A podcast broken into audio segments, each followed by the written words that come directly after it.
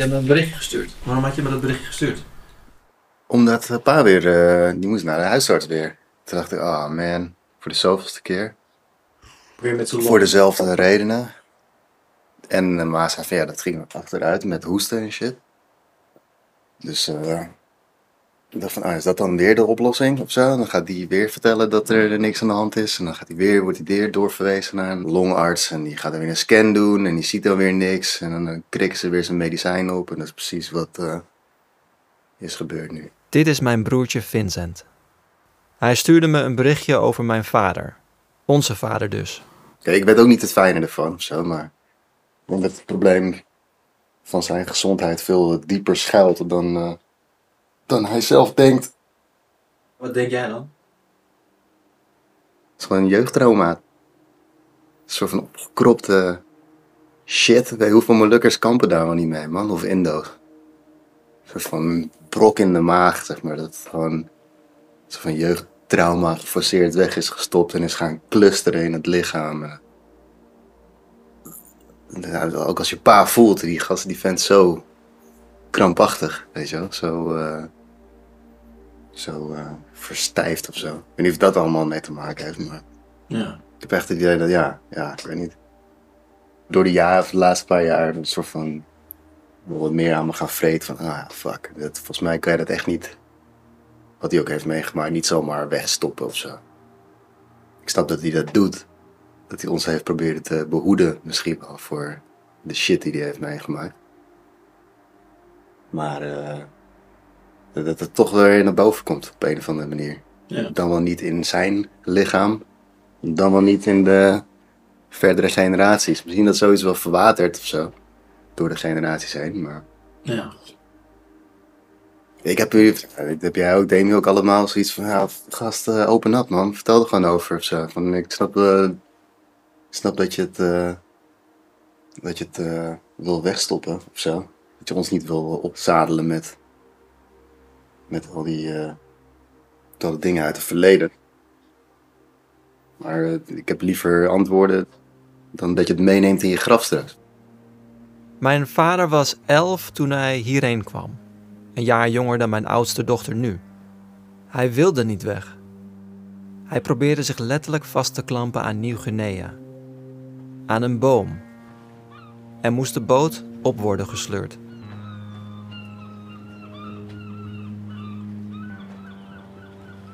Eenmaal in Nederland, het thuis dat niet tijdelijk bleek, zat hij vaak huilend voor de deur omdat hij hier niet wilde zijn. Maar dat is het verhaal dat ik van mijn moeder hoorde. Dit heeft hij mezelf nooit verteld. Ik ben Fabian Saptoe en dit is de vierde aflevering van Iemands Kind. Of zoals ik tegen mijn schoonmoeder zou zeggen, Orang Poen Anak. Een zoektocht in geluid naar een foto en een verleden.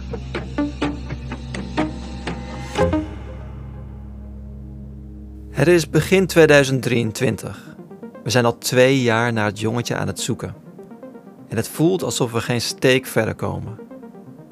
Ja, we hebben ontdekt dat de foto in Budel is gemaakt, maar daarna bleef het stil. We hebben oproepjes geplaatst, online, op social media en in Indische bladen.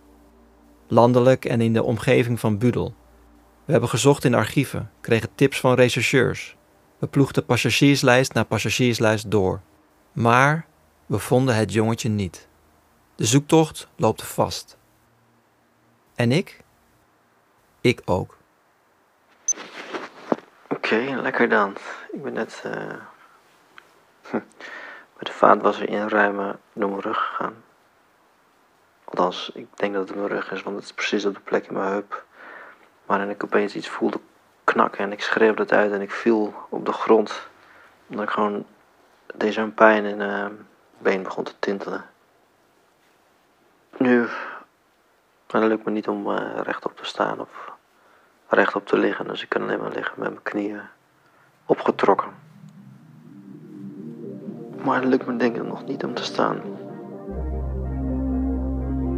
En dan wordt mijn vader ook nog een keer met spoed opgenomen in het ziekenhuis. En je merkt aan hem dat hij heel geschrokken is.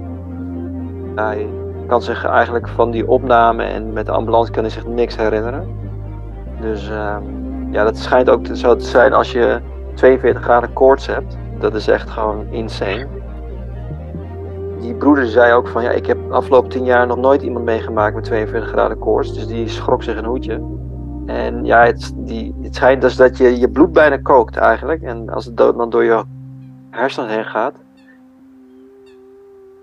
Dus eh, toen, ik zat ook, ik dacht ook, ja, je denkt natuurlijk ook in allerlei scenario's. Want je weet eigenlijk op dat moment nog niet, wat het is. Ik dacht ook van ja, voor hetzelfde geld eh, is hij zo meteen is hij er niet meer. Maar goed, nou ja, het is nu beter. Hij is thuis. We zijn tot zondag bij hem gebleven. Eh, Steeds ging iemand logeren, in, bij mijn moeder ook. En nu eh, gisteren dus voor de eerste keer alleen. En, eh, ja, spannend man. En dus besluit ik dat het zo langer niet gaat. Dat ik uit dit dal moet klimmen. Ik moet het afmaken en ik moet een gesprek met mijn vader aangaan. Maar misschien moet ik eerst naar mijn eigen lichaam luisteren. Naast mijn rug heb ik al twaalf jaar lang last van mijn heup. En ik kom er maar niet achter waardoor dat komt. Ik ga hardlopen, ik stretch, ik doe van alles. Niets helpt. De fysio die me behandelt vertelt me dat veel lichamelijke klachten kunnen voortkomen uit onverwerkte emoties. Het lichaam wil ook gezien worden, zegt hij. En die uitspraak blijft hangen. Wat wil mijn lichaam mij vertellen? Waar komen mijn klachten vandaan? Hoezo voel ik zoveel woede? En belangrijker nog, wat kan ik met die woede doen? 1, aan. Ik ga boksen bij bokstherapeut Dinja Poelman. Hoi, vasthouden. En uit. Laat die zak maar gaan, want die beweegt. Mensen ook. Het boksen helpt. Ik voel hoe boos ik ben. Om alle verhalen die ik niet heb gehoord en alle emoties die ik niet heb gezien. En aan. Let's go.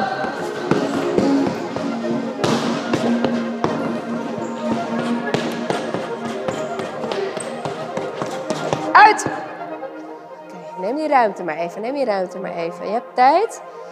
Bewegen. Juist loslaten. Veel in beweging blijven. En aan. Let's go. Goed knijpen in je vuisten. En tijdens het vechten besef ik dat ik ook echt wil vechten. Om dit verhaal wel te vertellen. Goed, laatste ronde. We moeten zo wel echt die handschoenen aandoen. 3, 2, 1, let's go. Omdat dat troost biedt. 4, Aan mij 3, en hopelijk 2, ook aan anderen. 1 en release. Ja, de knokkels zijn nou lekker open, jongen. Dat voel je niet, hè, adrenaline. Maar hey, you're a human. Echt mens. Kijk, je hebt letterlijk je vlees achtergelaten. Kijk. Ja. Ik sla de boosheid van me af, tot mijn knokkels bloeden. Het lost niet alles op, maar het geeft me wel nieuwe energie. En dus spreek ik af met Victor Frederik. Victor zocht ook heel lang naar kinderen op een foto. Kinderen uit een Joodse klas van voor de Tweede Wereldoorlog in Utrecht. Hij zocht vooral heel lang naar één meisje. En dat meisje vond hij. Kijk, er is een van de Joods gezegden: zolang je naam genoemd wordt, ben je niet vergeten. En dat is hier ook het geval. Dus die mensen zijn blij dat ik, dat ik een wildvreemde, op zoek ga naar hun familielid. Het was voor mij een heel erg drempel, want maak ik niet een of ander trauma open? Nee, nee. Het is fijn om iemand te spreken die een vergelijkbare zoektocht heeft volbracht. Maar Victor geeft me vooral weer noodzaak. En op het, op het moment dat je zijn naam eronder kan zetten, is het toch heel anders. Ja, misschien is dat ook wel een heel mooi. eh, want die foto is dus. eh, we kwamen vorige week. eh, zagen we dat die dus bijgezet is in een nieuwe zevenjarige expositie in het Tropenmuseum. Dus die vorig jaar, of, vorige week was eh, geopend. Het zou natuurlijk fantastisch zijn als wij het jongetje vinden en de podcast wordt gelanceerd en we kunnen gewoon als gebaar gewoon zijn naam eronder zetten. Dat zou fantastisch zijn. Maar dan moet ik wel een ander plan verzinnen. Als ik nogmaals door de foto's van Fried ga, valt me op dat hij tijdens zijn bezoek aan Budel ook een gezin van 10 personen heeft gefotografeerd. En in tegenstelling tot jongetjes van twee jaar, lijkt een gezin van tien mij wel te vinden op de passagierslijsten. Met andere woorden, dit kan een manier zijn om iemand te vinden die tegelijkertijd met het jongetje in Budel was. En die me misschien wel verder kan helpen. Ik leg mijn plan uit aan collega's René en Carlijn. Ik ben nu twee keer bij het Nationaal Archief geweest. Ja. En de eerste keer was meer om gewoon te kijken van wat, hoe zien die lijsten eruit eigenlijk. En de tweede keer wilde ik gewoon eh, echt kijken of ik een jongetje van twee kon vinden. Maar dat bleken dus eh, zoveel boten te zijn. Dat zijn dan denk ik, eh, nou laten we zeggen, 50 boten of zo zijn het. In een half jaar, hè? dus in 58, eerste half jaar die aankwamen. En op heel veel boten stonden ook niet heel exact aangegeven van de leeftijden en dat soort dingen. Dus ja, en het, dit vertegenwoordigt in het half jaar ongeveer 30.000 mensen. Dus in het eerste half jaar van Budel zijn 30.000 mensen na Zwarte Sinterklaas hier naartoe gekomen. Dus nou, om daar een jongetje van twee in te gaan vinden is natuurlijk gewoon bijna niet te doen. Uh, maar al vrij snel kwamen we op deze foto. Met dit in mijn achterhoofd dacht ik van nou ja, misschien is een gezin van tien wel makkelijker te vinden. Ja. En dat bleek ook zo te zijn. Hè? Ja. Dus uh, nou hier, dit waren alle grote gezinnen met En waar heb je dit gevonden? Nationaal Archief, Maar echt letterlijk gewoon in de... passagierslijsten. Ik vertel dat ik een aantal gezinnen van tien heb gevonden in de passagierslijsten en dat ik deze mensen ben gaan zoeken op Facebook. Dus je ziet, ja, ik vind dat dit lijkt op best wel veel eigenlijk. Ik bedoel, Van alle mensen die ik op Facebook had gezien, dacht ik, nou, dit komt eigenlijk wel, vind ik ook het meeste in de buurt eigenlijk. En toen zag ik dus, dit is, dit is een uit, uh, uitvergroting van die foto van 10 van Freed. En dit is dan wat ik op Facebook zag. Um, en ja, dit is dan die, die, die zoon. Ja, detective dat je bent. Ja, dus toen dacht ik van, oké, okay, nou dit, dit lijkt eigenlijk wel, uh, weet je wel, dus qua neus en Ja, ja. qua wenkbrauwen, qua ooglid, vooral die mond ook, vond ik Ja. heel erg li- lijken. En gewoon, weet je, eigenlijk alles wel. Op een van de Facebookpagina's zie ik een familiefoto die ontzettend doet denken aan het gezin op de foto van Freed. Een familie rond een tafel, vader, moeder en kinderen in verschillende leeftijden. De foto die ik herken staat op de Facebookpagina van Alex Kempees. Ik bel hem. Met Alex. Goedemiddag, met Fabian Saptoe. Goedemiddag. Ik geef hem een korte samenvatting Goedemiddag. van de zoektocht waar ik al twee jaar mee bezig ben. Dus dat probeer ik allemaal uit te diepen en ik probeer ook mensen te achterhalen op die foto's. Oké. Ja, maar dat is me dus twee jaar lang niet gelukt. Ja, nu ja. Wij zijn de eerste, denk ik. Ja, want weet u dat zeker? Ik weet het zeker. Nou, mijn moeder, dat is buiten twijfel. Mijn zuster die ik gezien heb op de foto's, dat is, eh, dat, ja, dat is buiten kijf. Eigenlijk, ik heb eh, die, foto's, eh, die foto ook aan mijn eh, zuster laten zien. En eh, die zegt ook van, ja, dat, ja, dat, is, dat is mami. Ja, dat is niet anders. Zelf kan hij Budel zich niet herinneren. Hij was namelijk nog niet geboren. Ik ben één van de twaalf. En mijn broers en zussen die erop staan, ehm, die zijn in eh Boudon geboren, zeg maar. Maar ik denk, want ze hebben nog heel veel verhalen hoor. Want eh, ik was op de verjaardag van mijn zus en toen kwamen die verhalen los. Want ik wist wel op die foto's zien. En eigenlijk kwamen toen die verhalen los. Maar zij kunnen die eh, fotograaf niet meer herinneren. Ja, het is ook alweer zo lang geleden. Ja. En eerste indrukken, zeg maar, die ze, die ze meekregen toen ze aankwamen in Nederland. Ja, dat is natuurlijk. eh, ja, die zitten natuurlijk vol met ongeloof dat ze in een ander land zitten. En in een koud land ook nog. Dus ik denk niet dat ze dat helemaal hebben meegekregen. Maar hoe was het dan voor hun om die foto te zien?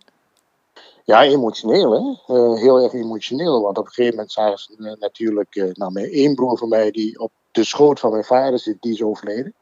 In 2018. Dus ja, dan zien ze die foto's eigenlijk. wat ze eigenlijk hebben moeten meemaken, zeg maar, de bootreis. Drie weken lang. Ja, dan zien ze die foto's. En dan, ja, emoties komen dan los, hè? Dus. eh, Alex vertelt me hoe zijn familie met spoed naar Nederland kwam.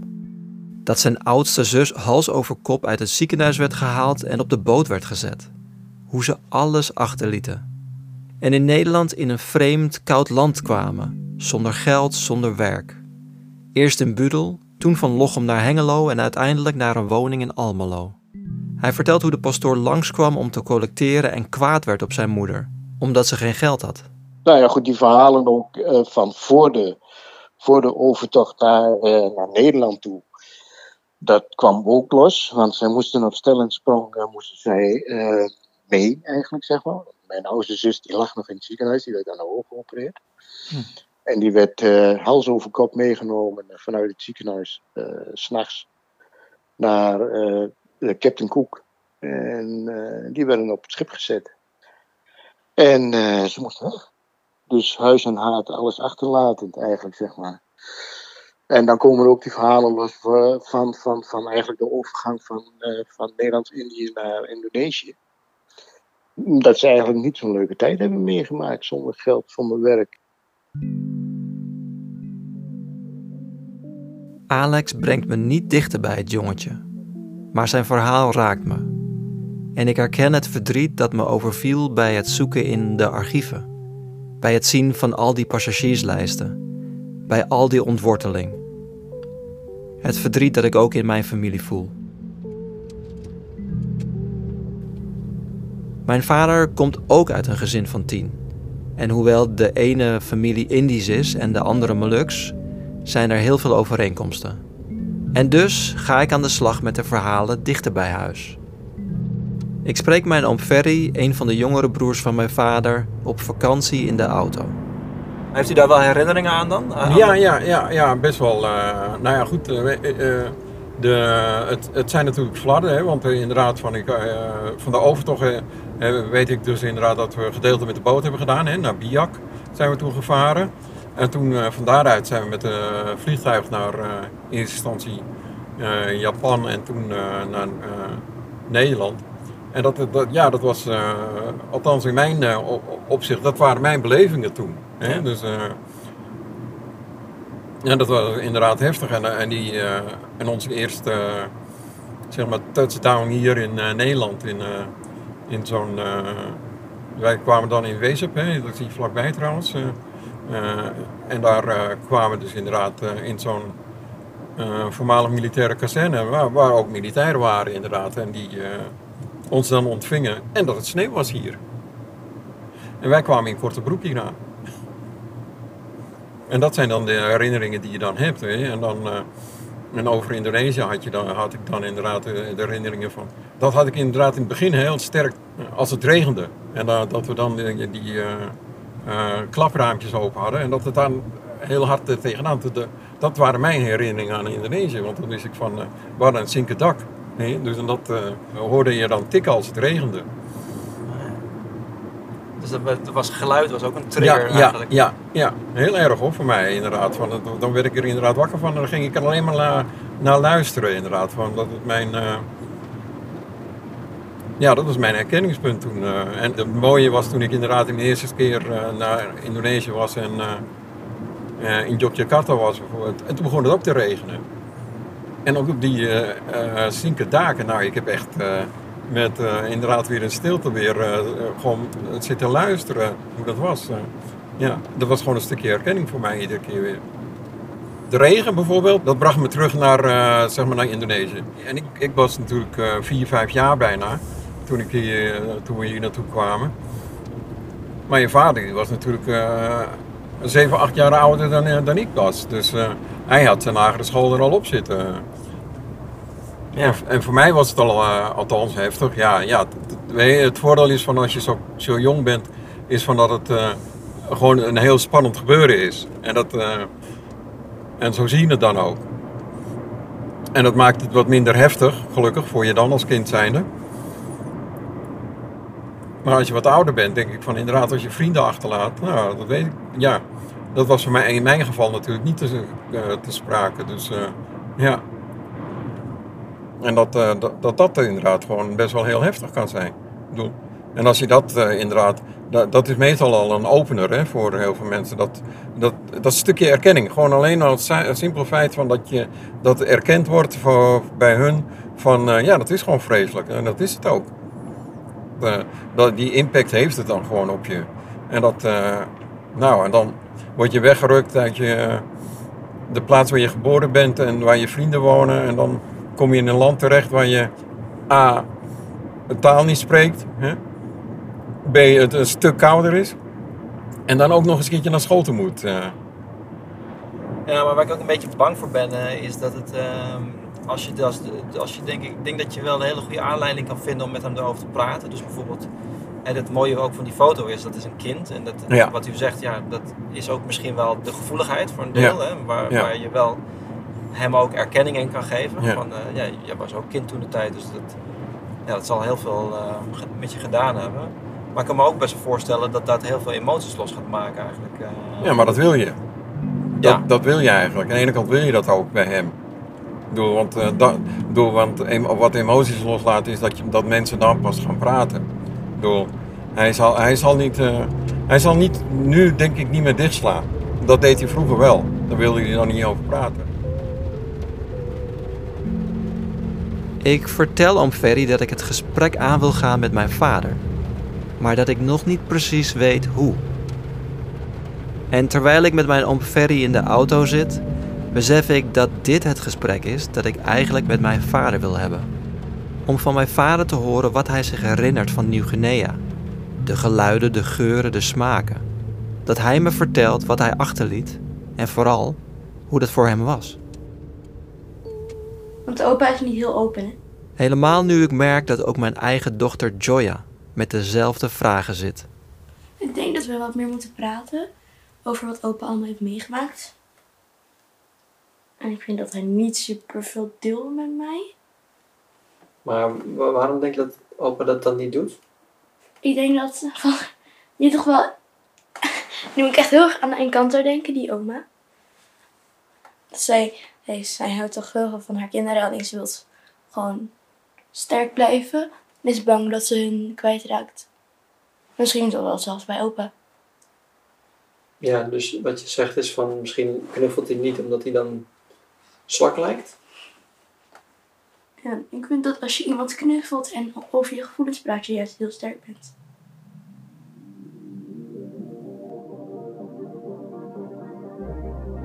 En ze heeft natuurlijk gewoon gelijk. En dus zit ik in het hartje van Amsterdam op de bank met mijn jongere broers Vincent en Demi en Demi's vriendin Jessica.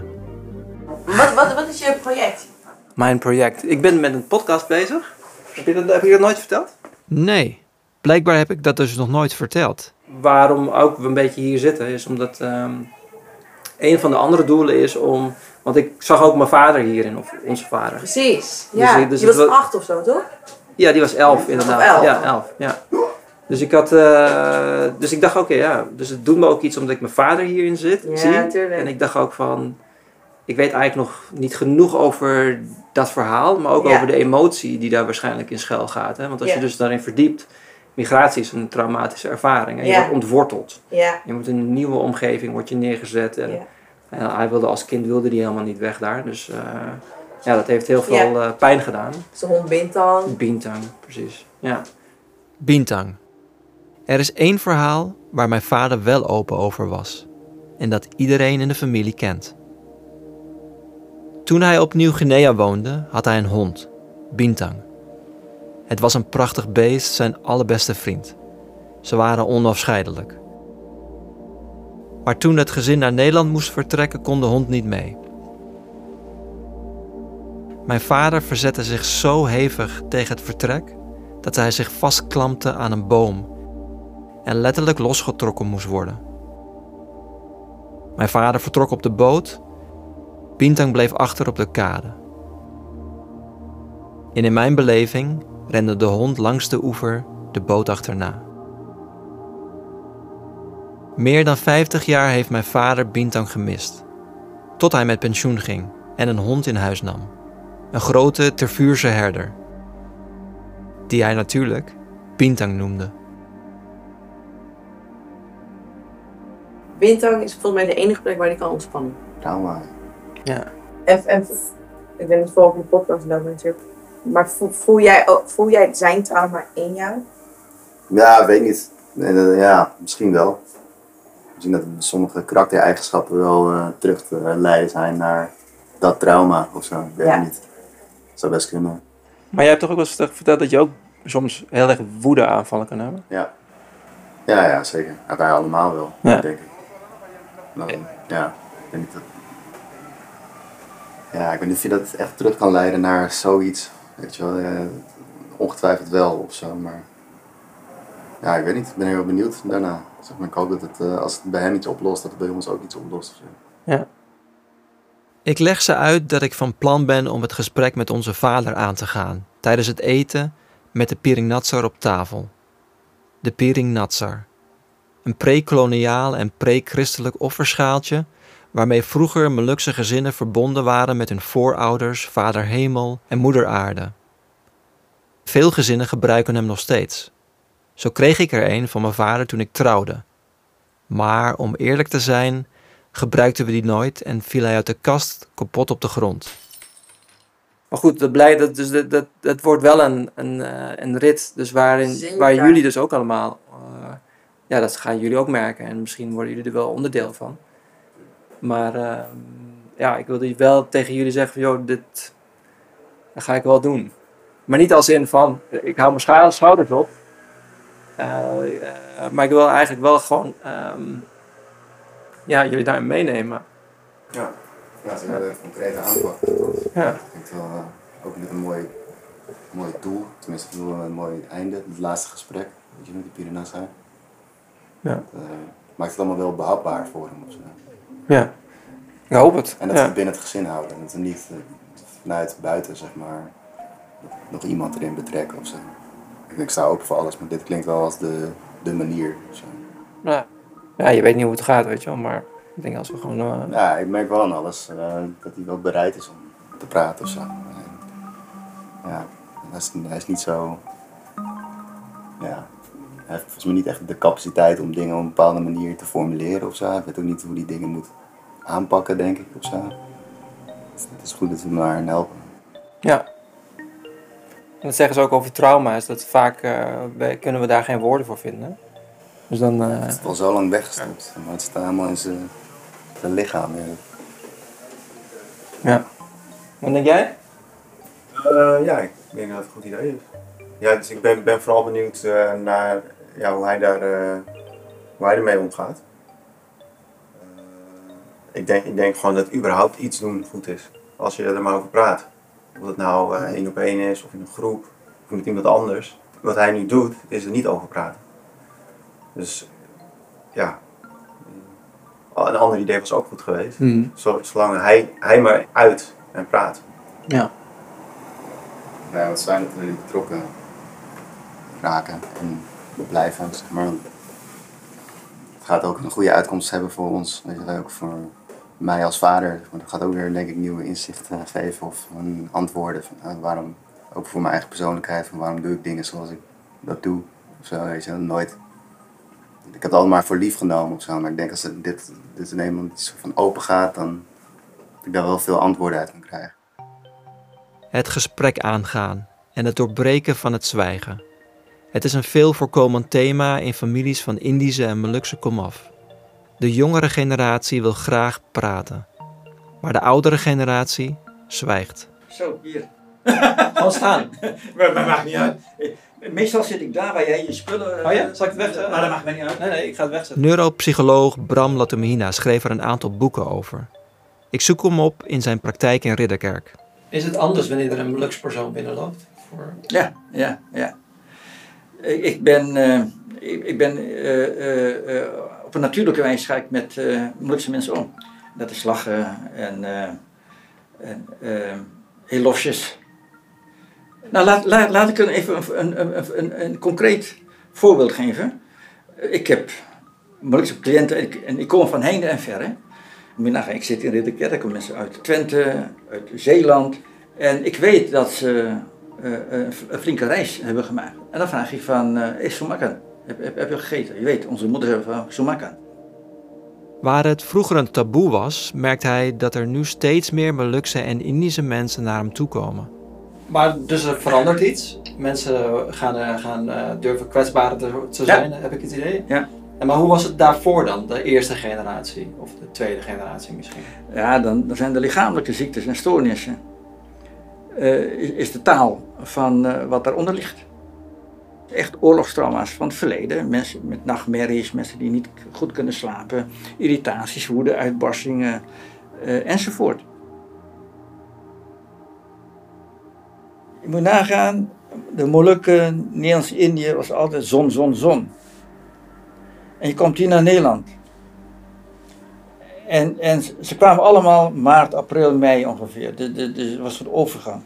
En je leeft toe naar een donkere periode, de winter, hè, december enzovoort.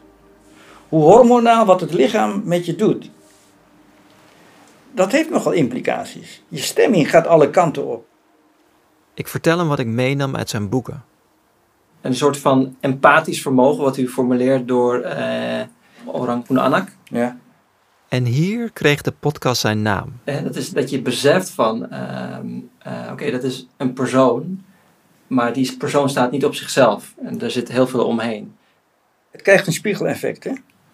Op het moment dat je beseft, dat je aanvoelt, dat elke persoon, elke volwassene ooit eens kind is geweest en dus ook een papa en mama heeft gehad enzovoort, dat gaat ook voor jou.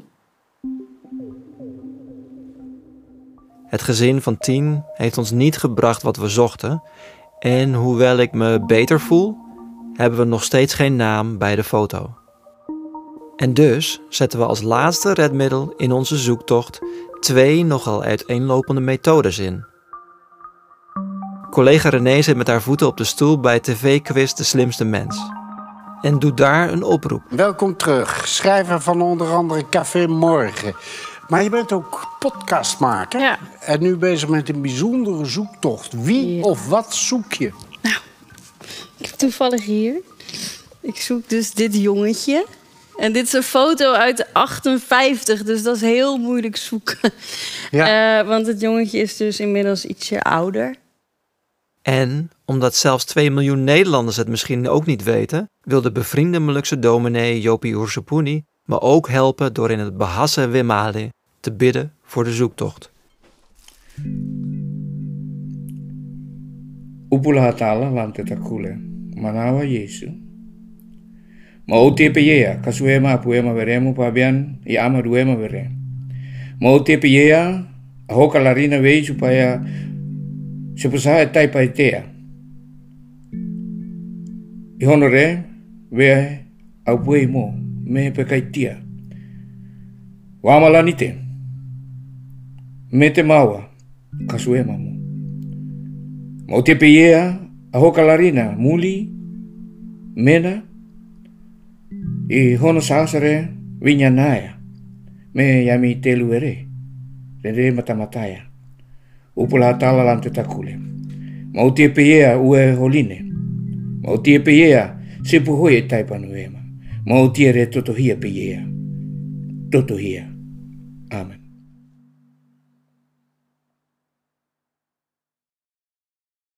Dit was aflevering 4 van de podcast Iemands Kind. Gemaakt door mij, Fabian Saptu.